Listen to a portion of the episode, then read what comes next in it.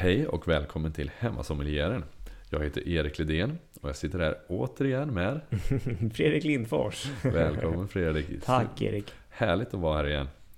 Alltid härligt att vara här. Innan vi drar igång dagens avsnitt eh, som du har satt agendan för så skulle jag vilja börja med att få återkoppla lite. Det är en hel del som har hört av sig angående portugisiska viner. Du la ju ett riktigt bete där i första avsnittet att eh, Portugal det var både goda viner, pang för pengarna. Vi är inne i januari, årets i särklass fattigaste månad. Eh, nu kräver jag eh, helt enkelt eh, fyra viner eh, får, du, får, får du ge mig och eh, alla andra som vill ha bra Portugalviner. Eh, vi kör två här och kanske två på Insta. Absolut, men det, är väl en, eh, det är väl en väldigt klok eh, och, och bra grej. Men vi kan ju börja med, vi tar ett rött och ett vitt här tänker jag. Och jag tänker jag kan börja med vita som jag tipsar om. Och då, då är det Sualheiro Alvarinho Granit som kommer uppifrån Vinho Verde i de norra delarna utav Portugal. Och här snackar vi liksom krispigt, friskt, torrt eh, vitt vin mycket mineralkaraktär och, och härlig liksom eh, stenfruktskaraktär. Mycket fräschör, mycket finess. Otroligt gott. Klockrent till liksom skaldjur, lättare fiskrätter och så här. Superbra vin. Eh, det andra vinet jag skulle vilja rekommendera, det röda då, eh, kommer från Lissabon som jag tycker är så här coolt eh, up and coming område.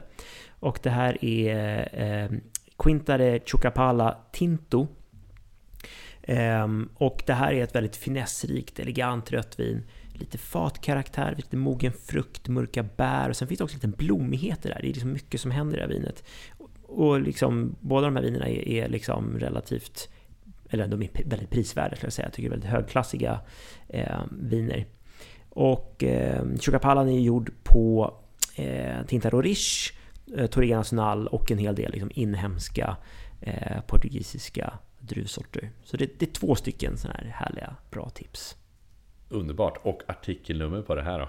Jag tänker att vi lägger ut det här i, i avsnittsbeskrivningen och på, på Instagram kan man läsa. Toppen! Och jag menar, idag Erik så, så tänker jag så här att eh, ja, men vi ska gå back to basic. Vi ska prata om vad du behöver för utrustning för hemma som elev. Vi ska prata lite grann om, om lagring. Vi ska prata om serveringstemperaturer enkelheten, det här liksom ABC, det är det du behöver kunna. Och framförallt kommer vi också prata lite grann om känsla och det vi ska börja med, den första saken som du behöver ha hemma, det är vinöppnaren. Och det här brukar jag likna med att det här är liksom, det är hantverkarens verktyg. Det är en viss känsla eh, i, den, i den vinöppnaren du har. Och det finns ju en mängd olika typer utav eh, vinöppnare. Men jag tycker att man ska ha en så, så enkel som möjligt och som fungerar eh, så bra som du bara kan att öppna vin med. Ingenting komplicerat. Tycker du att min från Ikea med två armar är eh, för avancerad? Det där är den värsta vinöppnaren. jag, jag hatar sådana. Men jag kan inte öppna med dem. Du såg, jag, jag fick ju låna Eriks vinöppnare här nu när jag skulle öppna en flaska vin här. Och jag liksom klämde fingret och jag såg liksom... Och Erik frågade så här, men Fredrik har du aldrig öppnat en flaska vin förut? men det är för att inga sommelierer använder den här typen av vinöppnare. Du ser ingen på, på, liksom, på krogen som jobbar och så drar fram liksom, den ur fickan. Utan man har lite mer streamline, ja. lite mer slimmad. Så vad, vad rekommenderar du då? Vad ska, vad ska jag skaffa mig om ja, jag ska uppgradera? Jag ska säga, det, det finns ni skaffa en tvåstegs öppnare. Eh, och det är en, en, en liksom väldigt enkel typ av vinöppnare. Kostar strax över 100, kanske 100-150 kronor i handeln. Eh, och det är liksom, tycker jag är överlägset bäst. Bäst korkskruv, bäst kniv. Enkelt. Och sen så är det såklart att vill man nörda ner sig så kan man göra det.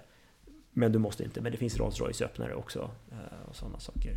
Och den bidrar till eh, känslan när man öppnar vinet. Man sätter ribban från start. Alltså det tycker jag är det bästa. Det är ju så här, det är som att få du vet, fredagsfeeling eller vad som helst. Det är när du känner att du drar den här korken. Och det liksom, du behöver inte smacka så högt, men att du liksom känner det där det här liksom draget när du drar korken. Yes, du vet att nu, nu kommer det bli bra. till, till nästa gång vi spelar in, då, då har jag uppgraderat min öppnare. Jag lovar.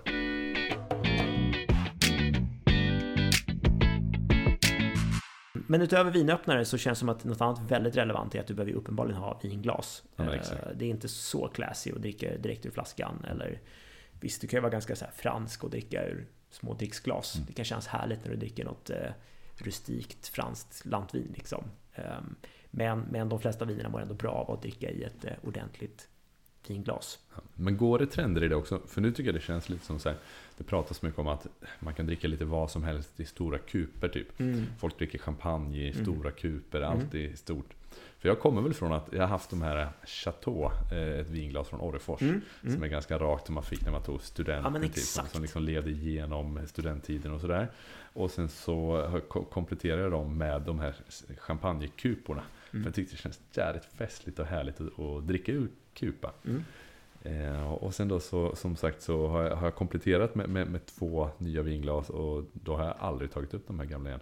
Mm. Men eh, kan du inte guida lite där för Mm. de som är nya på glas? För det, jag tänka? tycker det har gjort en otrolig skillnad för Ja. vinerna.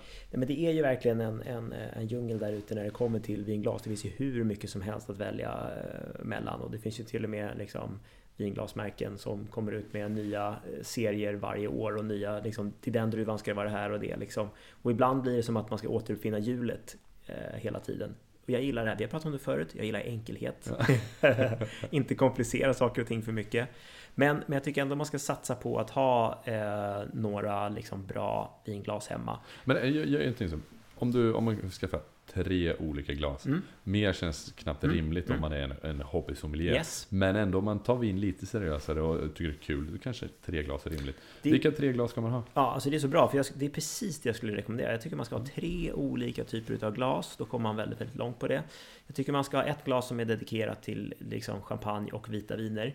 Som du nämnde tidigare, nu för tiden så, så gillar vi att dricka champagne ur kanske lite större glas. Eh, I mitt fall så tycker jag det är perfekt att dricka champagne eller mousserande vin ur liksom vitvinsglas. Ehm, är, är riktigt nice. Och då kan du på samma sätt så, så har du vita viner i, i samma typ av glas. Eh, så här oekade strama vita viner som typ Riesling, Chablis, Albarino är perfekt i en liten, lite mer slimmad kupa. Eh, så det, det är det ena då, champagne och vitvinsglas. Sen tycker jag att man behöver ha en bourgogne-kupa, så det här lite mer fiskskålsaktiga, stora, runda kupan. Som jag vet att eh, rätt många dricker champagne idag och det är, det är trevligt också, kanske mer när man går på de här lite kralligare eh, champagne eller mousserande vinerna eller liksom roséchampagne, Sånt är jättehärligt i lite större kuper. Men de är jättebra för lite mer liksom fylliga vita viner som är fatlagrade, till exempel Chardonnay. Ehm, eller så är det bra till lättare röda viner, exempelvis Pinot Noir. Det är perfekt till, till Nebbiolo som Barolo och Barbaresco och sådana saker. Men, Eh. men varför är det perfekt till det? Det har att göra med, jag ska säga, själva kupningen eh, har att göra med eh, liksom var du sätter näsan någonstans i glaset. Och när du går ner och doftar så, så det man alltid ska göra när man provar vin det är att stoppa ner näsan så djupt som möjligt. Du vill alltid komma så nära vin som möjligt för det är där du känner doften och aromerna. Och sen ska man tänka som att vin har man skulle kunna kalla det för liksom så här top notes, alltså topptoner som är lite, lite flyktiga. Och sen så har du liksom bastonerna som är, är liksom lite mer dova och lite mer djupa. Eh, och med topptonerna så hittar man oftast liksom så här lite blommighet, du kan hitta lite fruktkaraktär, lite mer liksom sådana saker. Och nere i bastonerna så hittar du oftast liksom jordighet, fatkaraktär och sådana saker. Så att det du vill, det du vill är att du ska kunna att liksom topptonerna och bastonerna ska kännas liksom på samma nivå. Och då kan det vara så i vissa viner att du behöver liksom kupan ska kunna hjälpa dig att flytta dem närmare varandra. Mm. Det här är liksom ingen vetenskaplig, det här är så jag ser det. Ja. Så det här är, jag tror inte man kan läsa någonstans hur det är med men, men, men så upplever jag det i alla fall att det är med de här olika tonerna med de olika glasen. Ehm, och sen slutligen då, om vi tittar på det tredje glas som du behöver, så, så tycker jag att du behöver någon typ av liksom rödvinskupa eller en bordeauxkupa eller en cabernet eh, kupa som är, det är ungefär lika stort som en sån bourgognekupa men det är lite rakare, så det är inte li, riktigt lika mycket fiskskåls eh, liksom eh, kupat så att säga. Men kan man säga då att det är för att, om nu försöker jag tänka mig, alltså om kupan, den vill mer fånga dofter, då är det alltså Mm. viner som har lite mer elegans kanske och lite mer så. Om den är lite mer öppen så, är det för att det är till kraftiga viner då? Så att man ska typ bli helt golvad Mm. då av doften? Då får, det, återigen, då får du liksom alla de här dofterna att kännas samtidigt. Eh, egentligen, så det, det, det är därför du vill att kupan ska vara liksom lite, lite olika. Så att med, med, med om du har den här fiskskåls bourgognekupan då så att säga. Då behöver du ju liksom, då har du ju rätt mycket yppig fruktkaraktär. Du vill ju komma åt den här liksom mer kanske dova toner och mer fattonerna liksom så, här. så då behöver du ju liksom hjälpa dem att, att komma upp. Medan det kanske är tvärtom med en, en eh, till exempel Cabernet Sauvignon som har ganska liksom, mycket power då funkar det mer med en, liksom en, en, en kupa som inte är lika ja, bred då, så att säga. Så att, så att den Bordeauxglaset är uppenbarligen perfekt då för Bordeauxviner, Cabernet Sauvignon, ja, hela den Merlot, Shiraz, eh, den typen utav, utav vin skulle jag säga. Sen är det en annan viktig grej att titta på när man just väljer glas. Ehm, och vi pratar kupning och kupningen är viktig, det ska liksom kupa inåt. För om, om du har liksom ett helt rakt glas eller om den är liksom kupad utåt, då, då tappar du liksom alla de här dofterna. Du känner liksom inte dem, för det är väldigt, liksom, vinet har väldigt flyktiga aromer. Så du vill ju också att de ska koncentrera sig mot, mot mitten och du får ju liksom när det kupar inåt, då får du liksom allting att mötas på samma plats och det är där du ska stoppa näsan. ja men exakt. Så är det, så det är viktigt att det är en kupning. Och sen så ska glaset vara, det ska vara tunt. När vi dricker vin ska det vara tunna, tunna, tunna glas. För att vi vill komma så nära vinet som möjligt. Och, och, och jag menar, dricker du liksom en annan typ av dryck, dricker du öl eller dricker du drink och sådana saker så är det liksom inte, eller kaffe och te, det är inte lika känsligt. Men just med vin så är det väldigt känsligt med, med liksom tjockleken på glaset. Du vill ha en transparens och du vill komma liksom så nära vinet som möjligt. För dricker du ett glas som har liksom en, en för tjock kant så kan vinet upplevas som att det är rätt klumpigt.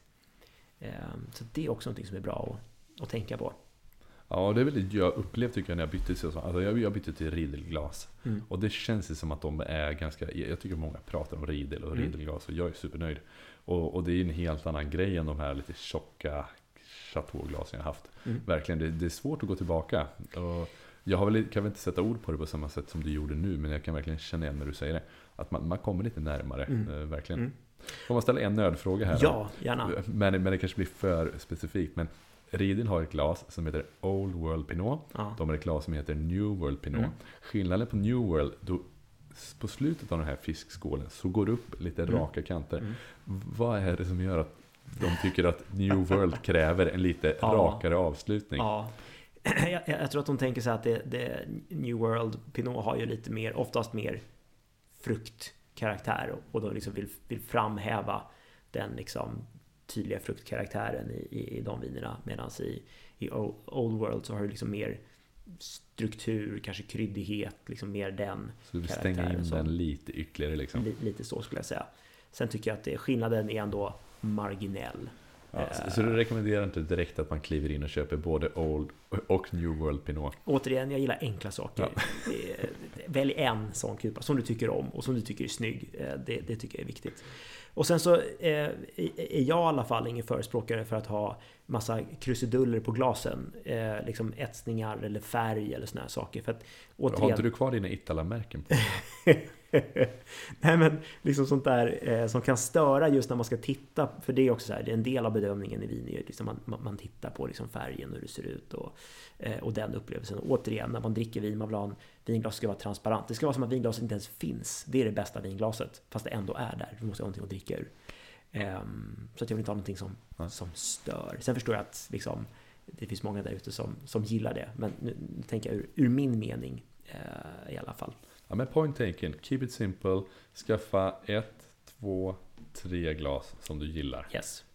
Det, tycker jag, det tycker jag är bra. Man kan komma undan med ett universalglas som man tycker är bra eh, också. Och då kanske är en liksom ett mellanstorlek mellan ett vitvinsglas och ett eh, rödvinsglas som är liksom kupat lite som en, en bordeaux eh. Och då, alltså, då kommer du jättelångt. Så länge det är tunt och, och, och, och kupat liksom. Ja, så får man bygga det därifrån kanske och utifrån ja. sitt intresse ja. vad man börjar gilla för viner. Har man plats hemma och har man alldeles för mycket pengar så kan man köpa hur mycket glas som helst.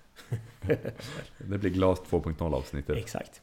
Eh, och sen så en, en tredje grej, för jag tycker egentligen bara tre saker man behöver hemma. Det är vinöppnaren, det är vinglasen och sen så tycker jag man ska ha en, en karaff. En vinkaraff. Eh, och det behöver inte alls vara någonting super fancy eller någonting sånt, utan det kan vara en liksom vanlig glaskaraff eh, av något slag. Ehm, det finns ju lite olika former, olika storlekar på dem. Men, men där kommer vi också in på en anledning till varför, vill du, varför behöver du en karaff och varför vill du ha den? Och då är det egentligen två anledningar. Jag tänker de flesta vinerna som, som vi ändå dricker är unga eh, viner. Och de mår generellt sett bra av att få lite extra luft och syre. Man brukar prata om att man ska lufta vinerna en stund innan man dricker dem. Så att det kan jag tycka att allt ifrån liksom, hälla sitt vin på karaff en halvtimme innan man ska dricka, 45 minuter, en timme, lite beroende på vin. Eh, och då skulle jag inte säga så här, alla viner mår bra av att hälla på eh, karaff en liten stund innan. Så att... Eh, sant? Vitt vin, rött vin, det är rosé, till och med champagne kan du dekantera och hälla på karaff. Och nu ska jag förklara varför, för det tycker folk låter jättekonstigt. Jag varför alla bubblor bara försvinner. Och det är lite nackdelen, så det ska man akta sig för. Så att när man väl ska hälla en champagne på karaff, då måste man vara väldigt, väldigt försiktig och verkligen luta karaffen så att inte man slår ut de här bubblorna. Men anledningen till att du gör det, är att ibland när du har, eh, framförallt återigen, det är mest unga årgångschampagner som du vill göra det här på. Eh, och det har att göra med att när de släpps på marknaden så kan de vara lite knutna och lite tajta. De är oftast gjorda för att de ska klara liksom lång tids lagring. Du har en hel del eh, liksom Blanc de Blanc champagne som har mycket syra och som har liksom rätt kompakt struktur eh, som du vill liksom ska få öppna upp sig. Eh, och sen liksom, de dyrare prestigekuverna överlag, dricker du de unga så, så mår de väldigt bra. Och, och vad är i det här sammanhanget ungt? Vad, när är en prestigekuvé ung? Ja, men det, när den är liksom direkt släppt skulle jag säga. Sen beror det ju på från, alltså en del hus släpper ju kanske sin prestigekuvé när den är mm, alltså 6, 8, 10 år är väl inga konstigheter egentligen för en, alltså nu pratar vi mm. toppchampagne. Och sen så fort du ser en årgångs eh, så säger jag egentligen samma sak. Där kan du se en del som är liksom kanske från 5, ja, 4, 5, 6 år. Eh, egentligen. Och när de är unga så kan de liksom må bra av att hälla på karaff. Men varsamt och så får mm. man liksom då försiktigt liksom ställa in i kylen. Låta det vara kylt och sen så liksom hälla upp det i glas och dricka ut det. Då kommer det liksom öppna upp sig. Känns ändå lite avancerat men jag blir, sugen på att prova. Ja. Eh, måste jag se mig in på det? Ja, verkligen. Men lite som att då snabbåldra, snabb öppna upp. Ja, exakt. Öppna upp. Alltså får vi inte bli mer tillgängligt och hitta lite mer karaktär i, lite mer lättdrucket. Och sen har vi den andra anledningen till varför du vill hälla ditt vin på karaff och dekantera. Nu, nu pratar vi om att nu har du som äldre, gamla viner. Och, och, och då är det framförallt röda viner. När de blir mer än 10 år gamla så brukar eh, färgen falla ur. Alltså de, det blir som en, en fällning i botten, botten av flaskan. Och det blir som ett grus, så det blir så här sandigt så det är inte så trevligt att dricka det. Och då vill du avlägsna det från, från liksom vinet. Så att det du gör då är att då får du liksom varsamt hälla över det på, på eh, karaff. Så att liksom det du har kvar i, i flaskan är bara det här liksom gruset, sedimentet som ligger i botten. Och så har du liksom bara rena vinet i, i karaffen. Just det. Och traditionellt sett så brukar du stå med ett, eh, ett ljus under, eh, under flaskans hals. Så du ser i halsen när det börjar komma små, små, små gruskorn liksom, och då slutar du dekantera. Det, är liksom, det här är ty, det typiska man ser sommelier typ gör det i, i restaurang.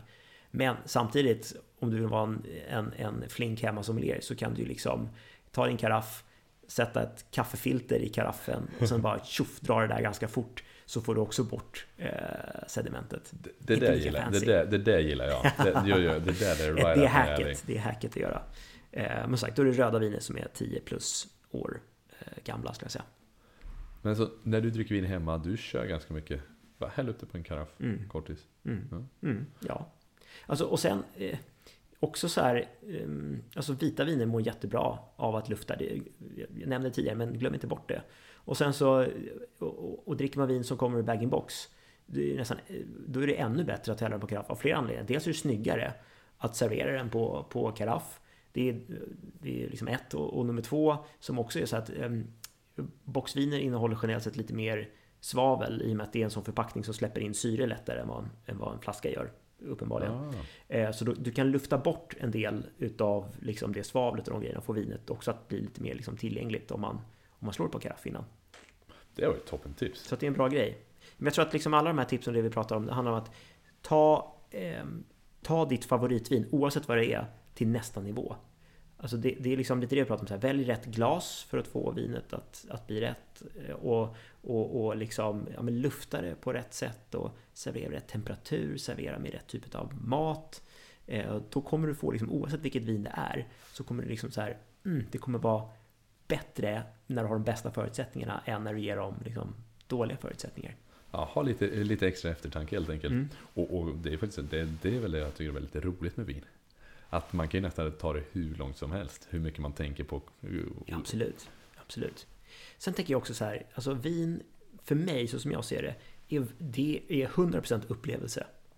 Ehm, jag vet, det, det, är många man pratar om, framförallt man träffar på vinprovningar så här, som, som kommer fram till mig och börjar prata om vin. och är liksom så här, fokuserar väldigt mycket på hur många månaders fathantering är det här? Vad är alkoholhalten? Hur mycket syra? Hur mycket socker? Där blir vin siffror.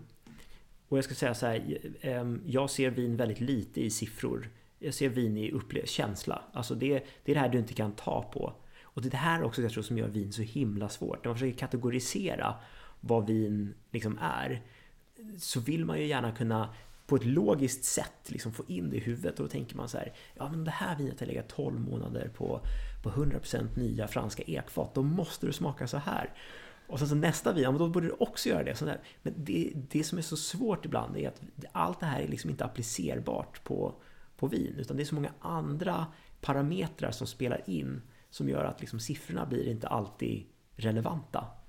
Men Nej. din upplevelse däremot, hur du upplever känslan av vinet, det är det som är liksom relevansen. Väldigt vackert. Nästan filosofiskt. Det, ja, verkligen. Ja. ja men, eh, och det, det ringer ju sant, för att det är ju en stor aspekt av mänsklig faktor. Och mänsklig mm. faktor är alltid oberäknelig. Ja. Men du har också sen den här naturfaktorn. Mm. Faktiskt att naturen är inte heller helt beräknelig. Mm. Nej, väldigt, väldigt fint sagt. Mm. Ta till mitt hjärta.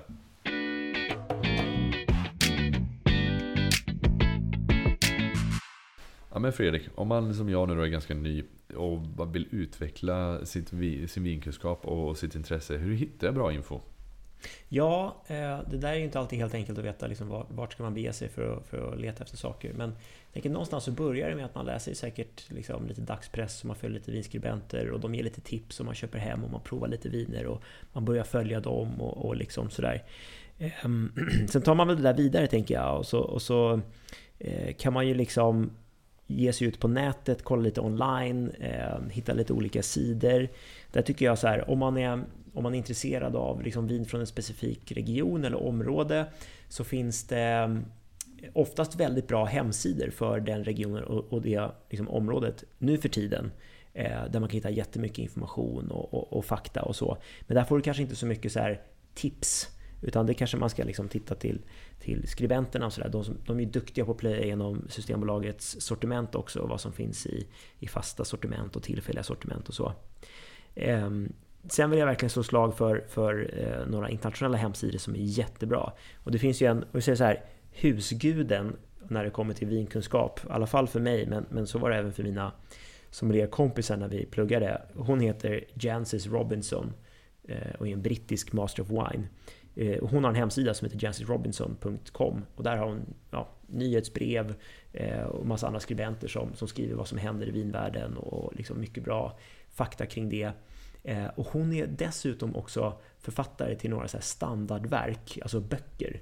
Man, läser, eller man kan ja. fortfarande läsa böcker idag. Även Inte bara lever, googla. Exakt, även om vi lever i en digital värld så, så tycker jag att det finns det finns några böcker som man, som man bör ha hemma, eh, alla fall, eller som jag vet i alla fall att alla sommelierer har hemma.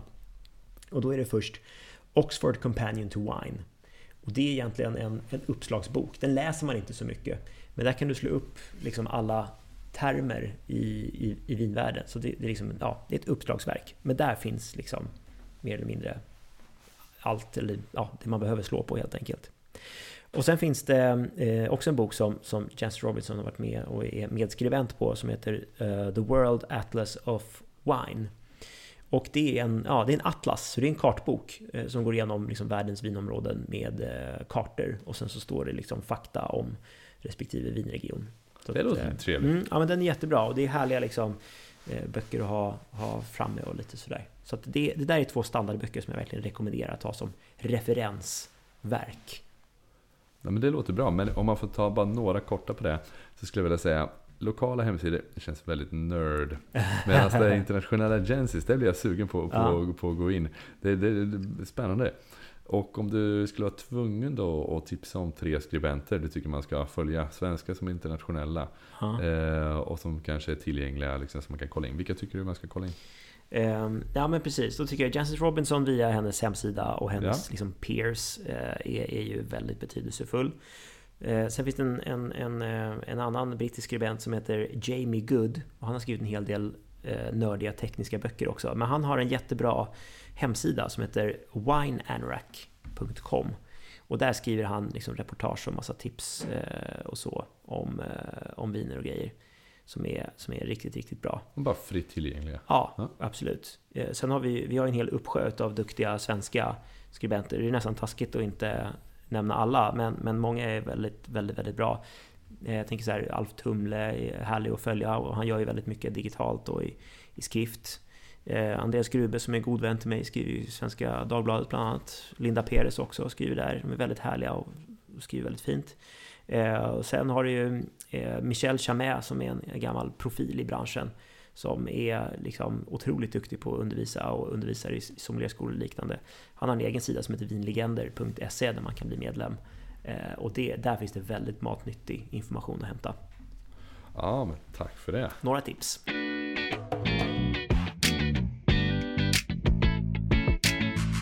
Men hur är det med lagring då? Du tänker att man ska lagra sina viner också? Ja, jag tänker lagra mina vinskribenter. Nej men precis, det är ju, men sen är det en sån här, gud jag såg den här siffran för, för ett tag sedan, jag, jag har inte den i huvudet, jag har glömt bort den. Men, men det var en undersökning som gjordes på Systembolaget där de, där de kollade hur många av de som var inne och köpte i butik, inom vilket tidsspann de liksom konsumerade de här flaskorna. Och det var liksom skrämmande att Får jag inom... gissa? Ja, gör det. Alltså, jag tänker att det mesta konsumerades in- inom ett halvår. Ja, alltså ja, men eh, alltså, jag kan säga så här, det var något sånt här 80 plus procent, alltså det är närmare 90 procent som konsumeras inom 48 timmar. Alltså så att det är liksom, vi pratar direkt konsumtion. Okej, vi ska in, vi ska köpa, vi ska dricka. Exakt, det är inte svårare än, det är inte svårare än så. Så att, eh, exakt. Men är man lite förekommande så kan man, och så bör man ju såklart eh, lagra sina viner också. Ja, men jag tänker att de som kanske lyssnar på den här podden ändå inte alltid bara klipper flarran direkt utan eh, Nej, kanske skaffar sig lite lager, Ja. funderar, har någon flaska här och där. Ja. absolut. absolut. Nej, Kul men- fakta dock. Nej men så är det ju. Nej, men, och, och där tänker jag, det finns ju massa olika sätt att liksom, eh, korrekt sätt att lagra vin på. Och då, då finns det några parametrar som man ska liksom väga in. Dels så vill du ju liksom att, att vin ska lagras svalt. Det ska vara under rumstemperatur. Så gärna någonstans kanske 12 till 14 grader är- perfekt vinlagringstemperatur. För alla viner. Alltså vitt, rött, mousserande. Lagras i samma temperatur. Ehm, det är sen när du väl ska dricka vinet som du kanske vill ha det med olika temperaturer. Men lagring, där kan du köra i samma. Så du vill ha det svalt. Ehm, sen vill du också att det ska vara mörkt. Du vill liksom inte ha något, något ljus. Alltså jag tror solljus är, är förmodligen det som kan förstöra ett vin absolut snabbast. Ehm, och framförallt glasflaskor som är klara. Eh, de har liksom inget UV-skydd utan du, där förstör du vinet ganska, ganska fort. Så det ska vara mörkt. Eh, sen vill du dessutom att det ska vara fuktigt. Och anledningen till att det ska vara eh, fuktigt är för att korken inte ska torka ur. Ehm, men ehm, så, så det är ju liksom en bra grej i, i så fall. Ehm, har du, har du liksom vin med skruvkapsyl, då spelar det ingen roll. Utan då kan du liksom eh, lagra det i ett, ett så att säga torrare klimat. För där har du ingen, ingen kork som riskerar att, att torka ur. Sen är det det som frågar såklart, kan, vadå, kan man lagra vin med skruvkapsyl? Och eh, ja, det kan man göra. Det, men det beror mer på vinets kvalitet än själva skruvkapsylen. Just det, för då skulle det innebära att där kommer det ingen luft in eller ut. Det är Nej, airtight. Den liksom. är lite, exakt, för det fina med korken den släpper faktiskt ifrån sig eh, lite syre. och, och en långsam eh, syresättningsprocess i vin är, det är liksom gynnbart. Det, eh, det gör ju att vinet liksom mognar och blir lite, lite mjukare. Men du vill inte ha för mycket, för då riskerar du liksom att vinet oxiderar och blir, och blir dåligt. Eh, Skruvkorken däremot är ju helt liksom, ja den är inert, den släpper inte, ifrån, eller släpper inte in syre alls. Ehm, så att... ehm, Men det kan ändå hända grejer med de vinerna. abs- ja, abs- absolut, absolut. Men det handlar om vinets kvalitet. Alltså har du hög kvalitet på vinet så kommer du kunna klara lagring när det är på skruvkapsyl eh, också. Och sen vet man experimenterar med vissa så här skruvkapsyler som, som ska ha liksom, ska kunna släppa in lite syre ändå just för att kunna vara liksom lagringsdugligt. Men det traditionella är ju att man använder en väldigt högkvalitativ kork på mer exklusiva viner. Eh, det vore ju liksom tråkigt att se en så här superdyr, säg en Bourgogne som kostar ett par tusen kronor och så, så har du en skruvkapsyl på den. Ja, ja, nej, men exakt. Fran, fransmännen blir ju vansinniga på sånt där. Svenskar, äl- vi älskar skruvkapsyl. Tycker det är praktiskt. Ja, men, ja, men det, det, det är ju Men det verkligen praktiskt, absolut. Men, men, men jag kan ju verkligen köpa och det finns en viss känsla i, ja men ploppa en kork, ja, ja. Ja. verkligen.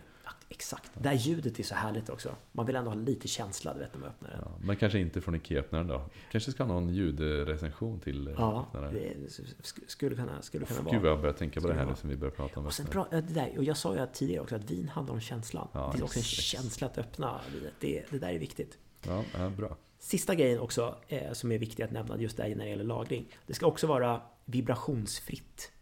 Eh, och det har att göra med att om, om, om vinet ligger i en miljö där det liksom ja, skakar runt mycket, alltså så att du kör runt med, vad vet jag, bil din, eller vin i din bagagelucka. eh, eller, eller att du liksom är vid, eh, att det ligger ovanpå torktumlaren eller någonting sånt där. Så är det liksom inte optimalt. Utan det kan få vinets struktur att falla samman helt när det ligger och, och skakar hela tiden så att säga. Och det där har jag faktiskt hört om, eh, om eh, lagra vin i kylskåp. Mm. Eller typ, kanske Mm. vinkyl. Att Mm. eh, man ska akta sig för att göra det för länge på Mm. grund av vibrationer. Eller, eller är det bara en myt? Nej, men det, det där är sant. Det finns ju två typer utav, utav om vi säger vinkyl eller vins, vinlagringsskåp. Det, det är två olika kategorier. Då. Så att en vinkyl är väl egentligen ett glorifierat kylskåp skulle man kunna säga. Som har en kompressor som vibrerar och rör på sig. Medan du har en annan eh, kompressionsteknik i, i ett vinskåp. Vilket gör att det är mer eller mindre vibrationsfritt. Sen är de mycket dyrare, den typen av lagringsskåp. Men det är också för att där ska vinen kunna ligga mycket, mycket längre. Ja, och innebär det då att vinet inte blir förstört kanske det är värt det? Ja. Eh, Sen samtidigt, jag tror att vi pratar om... Nu, nu pratar vi om vin som ska lagras i 10 plus år. Alltså där någonstans så spelar allt det här roll. Alltså bantar vi ner på... Om du ska lagra vin i något år. Eh, då, är det liksom, då behöver du kanske inte ha alla... Ticka alla parametrar att det är livsviktigt. Eh, det är såklart, du vill kunna ge vinet så goda förutsättningar som möjligt för att det liksom ska inte riskera att bli dåligt. Men, men samtidigt är det liksom kanske inte alla som har möjlighet till att ha en, alltså en, en, en ordentlig källare som vinkällare eller att ha ett, sätta in ett vinlagringsskåp eller, eller liksom någonting sånt. Eh, Två frågor på det då. ja, Alltså hur länge kan man då lagra ett vin om du tänker stående versus liggande? Mm. Ska, ska det vara liggande så att liksom korken blir lite fuktad Mm. inifrån typ? Mm. Eh, eller kan du ha vin stående Mm. hur länge som helst? ja, det är så roligt. Eh, Det, det, det, en del säger att det är en myt att vinet behöver ligga ner för att, eh, för att liksom ha optimal lagring. Men samtidigt så är man ju så här, det är precis som du säger. Vinet ska ligga ner för att du vill ha, du vill inte se till att korken torkar ur. Ehm, så att, och, och, och där tänker jag också att du vill ju, när du lagrar vin så vill du ju liksom se till att så lite som möjligt kan hända. Så att det är också så här, okej, då checkar du också den boxen att nu kör du hängslen och livrem. Du vill ha det mörkt, du vill ha det vibrationsfritt, du vill ha det i rätt temperatur, du vill ha flaskan liggandes. Då vet du att okej, nu har vi så få risker som möjligt. Sen kan vi bli, det kan ju bli dåligt i alla fall, det är ingen garanti. Men du minimerar risken. Så om du bygger en liten hemmakällare, skulle du rekommendera att man ställer in en så här halvbillig luftfuktare typ du kan köpa på Kjell Company?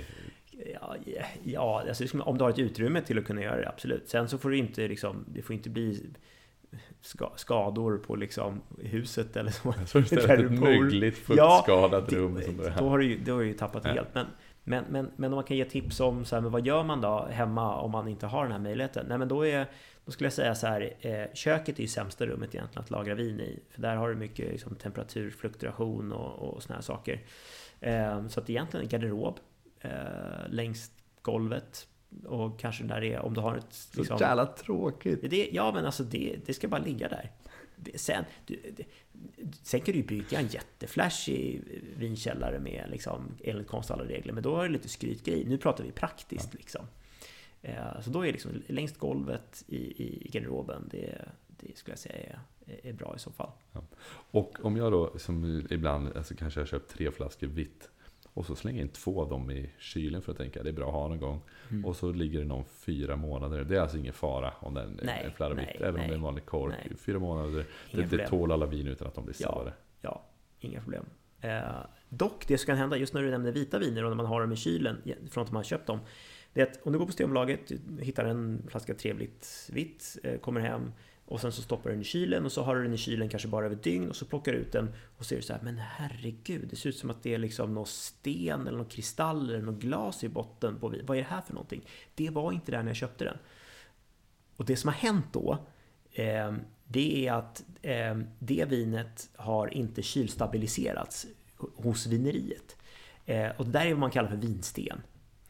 Och det är, det är syramolekyler som går ihop och bildar större föreningar och eh, eh sjunker ner till flaskans botten när det blir kylt. Eh, så kan du stöta på den, den här typen utav och den är som en njursten, solitär, den blir du inte av med. Nej, exakt. Den, och den, den är, helt ofarlig. Ja. Och egentligen ett kvalitetstecken skulle jag säga. Eh, för det betyder att producenten inte har filtrerat bort alldeles för mycket, vilket innebär att du kommer få, alltså du har mer smak mm. i vinet kvar. Sen, sen så, drick inte, alltså du behöver inte dricka vinstenen. Men, nej, men du behöver inte vaska flaskan heller. Liksom. Verkligen inte, det är, inget, det är inget fel på det. Ja. Intressant.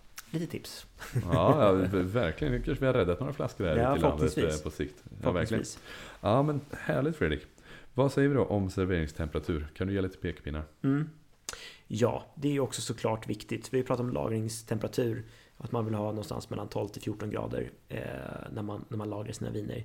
Men sen ska man ha olika serveringstemperaturer. Och här skiljer det sig liksom mellan, mellan olika viner. Men för att ge en fingervisning skulle jag vilja säga så här då, för att optimera, återigen, optimera upplevelsen utav eh, ens favoritviner, få dem till nästa nivå.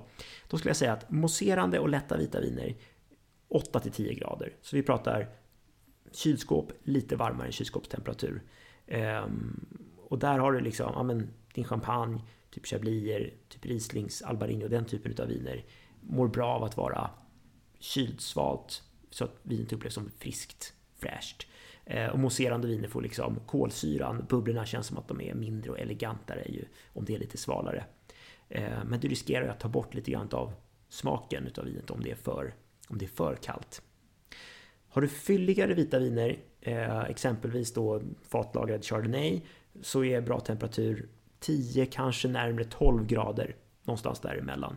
Eh, för att ha ett vin som är liksom fylligare, mer intensitet, eh, du har liksom en, en, annan struktur på vinet som gör att den, eh, den mår bra av att inte vara för kall.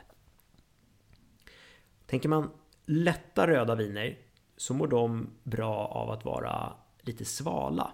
Och det där är också en grej. Jag tror att generellt sett så kanske vi dricker vita viner för kalla. Allting är egentligen mer eller mindre kylskåpskallt och röda viner rumstempererat i, överlag. Liksom 20 plus grader vad vi nu har i, i rumstemperatur eh, hemma. Men en del, eller jag ska säga alla röda viner vinner på att vara under rumstemperatur. Det behöver inte alltid vara mycket, men det här gör jättestor skillnad. Lätta röda viner, eh, typ som Pinot Noir, Nebbiolo eh, liknande, mår jättefint av att serveras vid typ 14 till 16 grader. Det är ganska svalt. Eh, men det är ju för att du ska få den här liksom upplever att vinet är friskheten. Men hur gör ni för att få till det som typ när du jobbar restaurang? Ja. Har ni då speciella kylar som är 16 graders kyl, 18 graders kyl? nej, eller hur? Så ni vet liksom? Ja, ja men jag skulle säga, ja, det, det kan du ha. Och, och det, så har det varit, eller så har jag haft lyxen och har vissa tillfällen.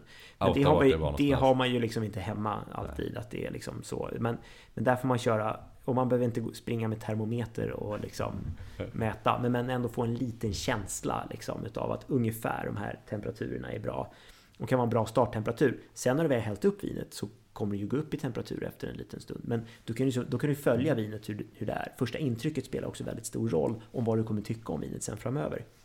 Um, nej men det du kan göra, det du kan göra då, och det här ska vi också testa, vi ska ju prova lite vin, så jag tänker att vi ska testa just det här med serveringstemperatur är att eh, mitt bästa tips är att liksom eh, slänga in vinet i, i kylen en halvtimme åtminstone. Och då är du liksom nere på ja, men typ 17-18 grader kanske. Eh, Om du har ett rumstempererat rött? Ja, med ett rumstempererat ja. Och sen kan du ha den 45 minuter och då är du kanske nere på 16 grader. Så att jobba lite med, med det, eller, eller tvärtom jag, jag, älskar, jag är väldigt förtjust i svala röda viner. På sommaren tycker jag det är jättegott att dricka nästan lite för kallt rött. Det, men det är min egenhet. Mm. Och som sagt, alla har ju sin egen ja, preferenssmak. Ja, um, men så jag har mycket rött i, som står i, i kylskåpet. Och det är så också som alltså, en öppnad flaska vin. Um, och du ska spara den till dagen efter, eller ett par dagar efter. Oavsett vad det är för vin. I med korken, ställ i kylen. Alltså så att alla öppna röda viner har dem i kylen. Ska du dricka dem sen? Ja, men ta ut dem. De kan stå framme. Häll upp det i ett glas. Låt glaset stå framme. Så kommer det gå upp i, i temperatur också. Och då, ja, det är det absolut bästa. Sen då sist då så har vi ju fylliga röda viner och som jag nämnde, du vill ha dem strax under rumstemperatur. Så någonstans mellan 16 till 18 grader och där har du liksom Cabernet Sauvignon, Zinfandel, Amarone, Shiraz, liksom alla de här det mår bra av att vara ja, strax, strax under rumstemperatur. Då blir de, du får ner alkoholen lite grann, vinet blir lite fräschare, det blir liksom, allt blir lite mer samstämt. Där man låter ändå dofter och sådär komma fram. Exakt, Ja. exakt. Bra regler. Jag tänkte, ska vi prova lite vin? Ja, men jag tycker det. Det Ja. är trevligt. Bra, då kör vi!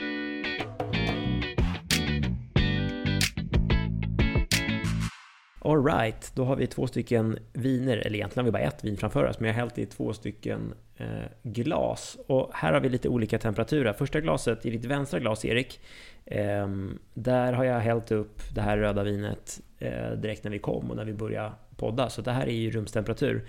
Och sen ställer vi in den här flaskan i eh, kylen. Så att den har stått i, i, i kylen under den här tiden som vi har snackat här och eh, blivit lite härligt svalt så att det är hällt upp i andra glaset. Så nu får vi testa lite hur de olika temperaturerna är.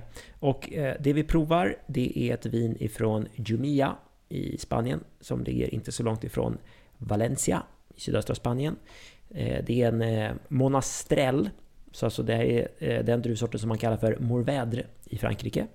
Från en producent som heter Paraches del Valle. Har ni plockat upp mitt eh, vänstra glas här då? Men här, jag tycker man kan känna, om vi tar det här glaset som är eh, det rumstempererade, vårt, vårt första glas. Jag tycker man känner att visst, frukten finns där. Det finns liksom... Det finns någonting som är... Den här kryddiga karaktären kommer fram och kanske tar över nästan lite väl mycket. Det är otroligt väl mycket kryddor i det här. Nästan svårt att få fram, fram frukten. Är det för att frukten då har lämnat glaset? Jag skulle säga att den, den kanske inte riktigt får utrymme att komma fram.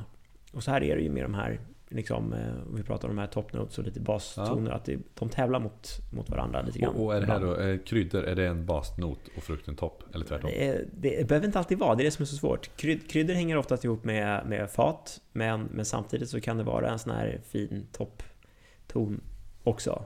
Eh, I det här fallet känns det som att eh, det är lite tunga, tunga eh, kryddor i det här vinet.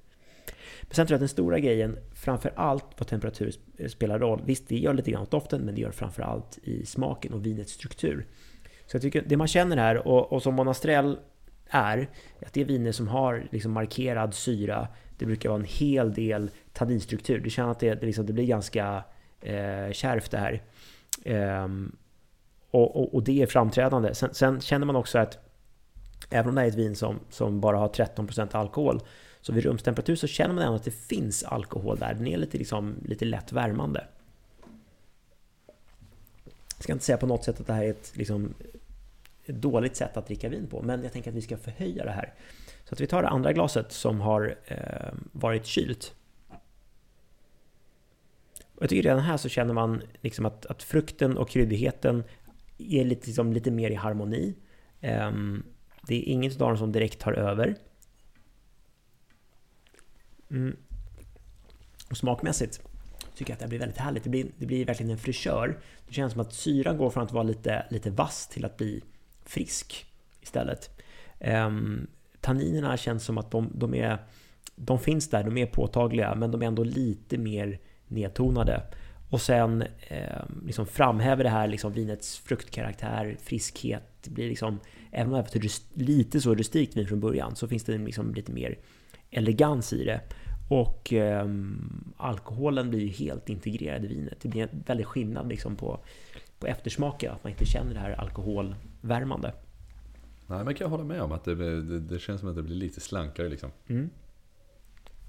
Nej men precis, så att det där är återigen ett litet tips att ta, liksom, ta sitt vin till nästa nivå, få det att bli liksom ännu lite bättre. Och det är precis det vi är ute efter, och speciellt eh, ja, vi som vill höja oss ett snäpp helt Mm. enkelt. Tusen tack för det Fredrik. Tack själv Erik och jag hoppas att eh, du har tagit med dig lite grann ifrån det vi har snackat om idag. Jag hoppas att alla där hemma också har tagit med sig någonting i alla fall om, om det vi har snackat om. Nej men verkligen, tycker jag fanns eh, mycket matnyttigt där. Härligt, Jätte, jättebra. härligt. Tack. Erik, vi ses snart igen. Det gör vi. Ha det gott. Hej.